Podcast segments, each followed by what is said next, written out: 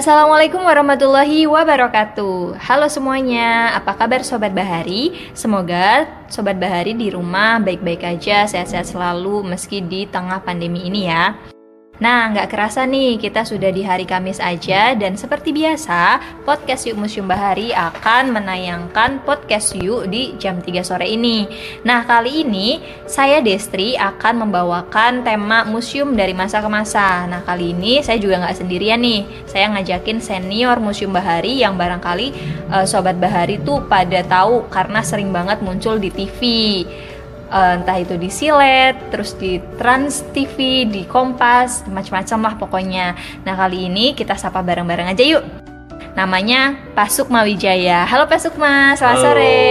Selamat sore. Sehat-sehat aja kan Pak Sukma ya? Alhamdulillah sehat. Nah, nah, kali ini nih uh, kita mau sharing nih seputar Museum Bahari dari masa ke masa. Nah, Pak Sukma ini adalah salah satu orang yang cukup lama ya di Museum Bahari. Kira-kira berapa tahun ya Pak? Baru 22 tahun. Nah, 22 tahun. Baru 22 tahun, udah cukup lama. Sedangkan Museum Bahari itu kan juga didirikan tahun 1977, ya, Ya, kan? betul. Berarti emang cukup lama lah. Nah, mungkin nanti kita akan banyak sekali sharing terkait dengan Museum Bahari Bahari nih. Kira-kira sejarah dari masa ke masanya itu seperti apa gitu. Nah, kalau ngomongin uh, soal lamanya Museum Bahari ini ya, Pak. Kira-kira orang yang terlama gitu di Museum Bahari itu siapa ya, Pak? Kalau orang yang terlama di musim baru itu ada eh, bagian kebersihan, ada Oh. satu orang itu yang paling lama, namanya Pak Tarjo itu Oh. dari tahun 1994. Wah, Beliau 94 sudah ya. mengabdi di sini. Hmm, cukup lama juga ya. Nah, kira-kira eh, terkait dengan Museum Bahari dari masa ke masa ini kan banyak sekali mengalami perubahan ya, Pak. Kira-kira Bapak mungkin bisa menceritakan nih eh, perubahan dari 1977 sampai dengan sekarang ini bedanya seperti apa, Pak? Coba ceritakan. Eh, kalau dari gedungnya sudah pasti nggak berubah ya karena bentuknya tetap begitu tapi dari eh, karakter pengunjung dan penataan koleksinya itu pasti berubah. Mm, mm, mm, mm. jadi eh, kalau awal-awalnya museum Bahari berdiri itu pengunjungnya ramai sekali karena eh, museum masih baru dan eh, orang banyak yang penasaran berkunjung ke sini. Hmm, dan tapi pada saat itu eh, penataan koleksinya masih bisa dibilang asal aja gitu Oke, ada asal barangnya. tertata aja Ya, gitu ya. aja, Kalau dan- sekarang kan banyak memperhatikan gimana eh, tata pamer dan Ya. segala macam sejarahnya gitu kan, itu diulas. Terus kalau misal ngomongin soal bangunan nih Pak, kan dari dulu katanya masih tetap aja ya kayak gini-gini aja. Tapi ada nggak sih perubahan kayak misal dari warna jendelanya gitu? Sekarang kan kalau Museum Bahari itu jendela-jendela identik dengan warna coklat kan, coklat-coklat kayu gitu. Nah kalau dari dulu emang warnanya seperti ini atau gimana nih Pak? Ya, kalau dari warna jendela atau pintunya kalau kita buka-buka buku sejarahnya itu ada foto-foto lama yang menunjukkan bahwa warna jendelanya itu berwarna hitam. Hmm. Dan setelah kita uh, cari tahu info kenapa warna hitam itu ternyata hitamnya itu dari dari ter. Ter itu ter atau tir itu uh, aspal cair. Dan si Belanda itu menggunakan itu fungsinya untuk melindungi kayu dari uh, dari air hujan dan juga tidak tidak melindungi tidak tidak dimakan rayap karena kita tahu kalau air kena aspal kan dia seperti daun talas kan. Mm-mm. nah itu fungsinya. Lalu setelah jadi museum bahari eh, di tidak dikupas eh, aspal itu tapi hanya di dicat menggunakan warna hijau dan saya tanya-tanya dengan yang orang yang lebih dulu di sini kenapa warna hijau? Karena eh, itu warnanya orang Belanda warna hijaunya itu. Begitu eh, untuk karena ini bangunan Belanda jadi di warna dicat warna hijau. Dan setelah tahun 2005 akhirnya dirubah lagi menjadi warna aslinya. Jadi eh, dengan cara di, dikerok menggunakan gerinda dan terlihatlah serat-serat kayu jati yang aslinya. Nah, terus kalau untuk temboknya ini sendiri Pak, apa dari dulunya ini udah putih atau gimana nih Pak? kalau temboknya aslinya itu tidak diplester tapi tidak menggunakan semen. Hmm. hanya kapur saja.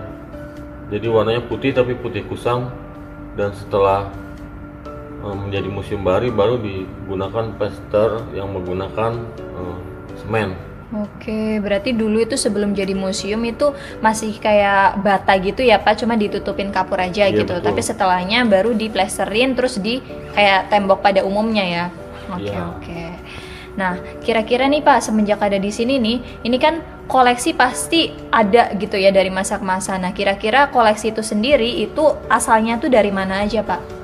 Eh, Koleksi-koleksi museum bahari ini ada yang hibah dari dari masyarakat yang merasa dia mempunyai sejarah dengan perahu itu lalu lalu disumbangkan ke museum bahari. Ada juga yang hasil eh, museum bahari itu membeli sendiri atau membuat sendiri koleksi-koleksi yang ada di sini. Hmm. Terus kayak perahu-perahu nih kan di Museum Bahari ini kan ada ruangan perahu yang besar-besar ya Pak. Nah kira-kira itu asalnya dari mana dan cara membawanya ke sini itu prosesnya seperti apa Pak? Di ya di museum bahari di gedung C itu kita bisa lihat ada ruangan yang menampilkan perahu-perahu asli. Mm-mm. Perahu asli itu maksudnya eh, perahu yang berukuran sesungguhnya. Jadi memang ukuran ukurannya memang aslinya segitu. Jadi dibilang perahu asli. Nah, itu ada dari berbagai daerah, ada dari Papua dan dari Cirebon, ada juga yang eksperimen dari Pak Effendi Sulaiman Mm-mm. dan eh, cara mendatangkannya atau menyimpannya di museum Bali itu itu mempunyai cara masing-masing. Kalau perahu compreng yang dari Cirebon itu eh, kita kita pindahkan gerak atau kita geser-geser oleh kru dari museum Bali sendiri dengan dengan berbagai cara lah akhirnya sampailah di ruangan itu. Tapi ber- berbeda dengan perahu yang dari Papua itu menurut pembuatnya dan penyumbangnya perahu itu tidak boleh dibongkar pasang oleh orang lain Hmm. itu harus dibongkar pasang oleh keturunan dari pembuatnya Hmm. kalau yang satu lagi yang eksperimen Pak Effendi Sulaiman itu dipretelin boleh dipretelin tapi itu juga boleh dikerjakan sama orang lain Hmm, menarik sekali ya. Berarti emang nggak boleh sembarangan ya cara meretelin perahu pun gitu. Ada cara-caranya dan bahkan sampai keturunannya ya Ya. yang harus terlibat gitu. Nah kira-kira nih Pak dari masa ke masa ini itu em, koleksi apa sih yang paling jadi ikoniknya Museum Bahari? jadi, jadi kalau ikoniknya musim baru itu dari awalnya dijadikan musim baru sampai sekarang tuh eh, berubah-berubah ya Mm-mm. tergantung animo masyarakat. Jadi kalau pertama kali jadi museum bahari itu karena eh, bangunan ini dulu terlihat spooky gitu ya, Mhm. Eh, karena lampunya juga belum terang, jadi Mm. mereka lebih terkesan atau tertarik yang agak-agak mistik gitulah. Mm. Jadi awalnya mereka pengunjung itu tertarik dengan lukisan-lukisan yang besar-besar. Akhirnya ada cerita lah yang ada lukisan bisa melirik, bisa Iya. marah kayak kayak gitu. Dan terus eh, dengan berjalannya zaman dan penambahan koleksi di musim bari berubahlah eh, ikoniknya. Karena ada biota laut.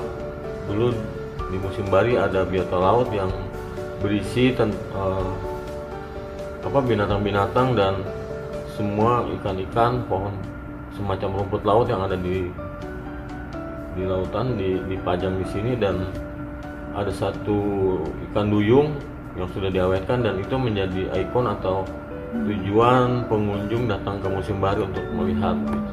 Dan setelah museum mengalami musibah kebakaran ikan duyung itu eh, terbakar. Dan sekarang sepertinya ikonnya bergeser ke perahu Papua. Mm-mm. tapi yang jelas yang tidak berubah sejak musim bari berdiri sampai sekarang yang menjadi ikon atau tujuan pengunjung ke sini atau yang sangat menarik dari musim bari itu adalah bangunannya sebetulnya. Iya sih.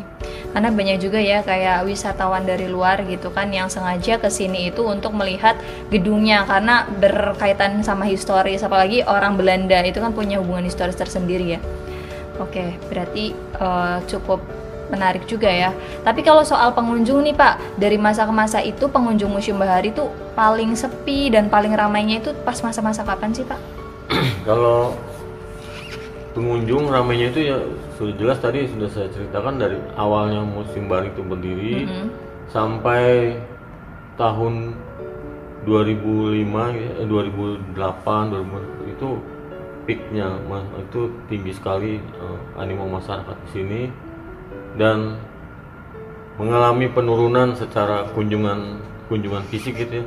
Setelah ada uh, apa uh, HP Android dan Mm-mm. pengunjung bisa mengetahui musim bari itu hanya dari Google. Dan itu mempengaruhi uh, mempengaruhi kedatangan pengunjung atau uh, biasanya orang-orang anak sekolah atau mahasiswa ingin tahu museum bari dia hanya melihat dari Google, aja. Google ya. kecuali dia ada tugas dari sekolah atau dari kampus untuk mengambil data atau foto di sini baru mereka datang ke sini dan sekarang bertambah sepi lagi eh, bertambah berkurang lagi pengunjungnya karena Pandemi, Pandemi. ya. heeh. dan apa itu juga berpengaruh ke ke cara menggait atau memberi informasi dari museum barik ke pengunjung. Jadi kalau zaman dulu sebelum ada Google kita bisa bercerita dengan satu persatu ini adalah ini adalah ini sekarang nggak bisa begitu lagi. Hmm. Jadi bahasanya sudah kayak bahasa Google. Oke oke, menarik juga nih. Nah kita akan kembali nih Pak Sukma di episode minggu depan kita akan bahas soal guide. Nah buat sobat Bahari yang penasaran dengan eh, cara-cara nge-guide dan cerita tentang guide yang ada di Museum Bahari dari Pak Sukma Wijaya nanti bisa dengerin podcast nya Museum Bahari minggu depannya. Nah untuk sekarang kita cukupkan dulu ya Pak Sukma. Terima kasih banyak untuk bincang-bincang seputar Museum Bahari dari masa ke masanya. Semoga bisa bermanfaat untuk eh, sobat Bahari yang ada di rumah. Nah, Pak Sukma mungkin ada eh, sepatah dua patah nih untuk sobat Bahari yang kira-kira mau ke Museum Bahari di tengah pandemi ini tuh seperti apa? Silakan bisa disampaikan. Kalau untuk masa pandemi udah- sudah pasti tidak bisa datang secara fisik ke sini ya. Jadi kita bisa mengunjunginya secara virtual Hmm. dan kalau pesan saya masa pandemi ataupun sudah lewat masa pandemi kita wajib berkunjung ke museum dan belajar sejarah karena ada pepatah atau peribahasa yang mengatakan no history no future jadi kita tidak akan bisa membangun masa depan tanpa belajar sejarah Nah, terima kasih banyak Pak Sukma Wijaya, sangat bermanfaat sekali. Semoga eh, setelah pandemi ini kita bisa kembali lagi berkunjung ke museum-museum yang ada di, di Jakarta, khususnya di Museum Bahari. Oke, terima kasih banyak untuk Sobat Bahari yang sudah mendengarkan. Next kita akan eh, kembali dengan episode yang berbeda lagi. Sekian Sobat Bahari, jangan lupa jaga kesehatan, stay safe selalu di rumah, dan tetap memperkaya diri dengan ilmu, salah satunya mendengarkan hal-hal positif seperti podcast ini. Oke, see you next. Assalamualaikum warahmatullahi wabarakatuh.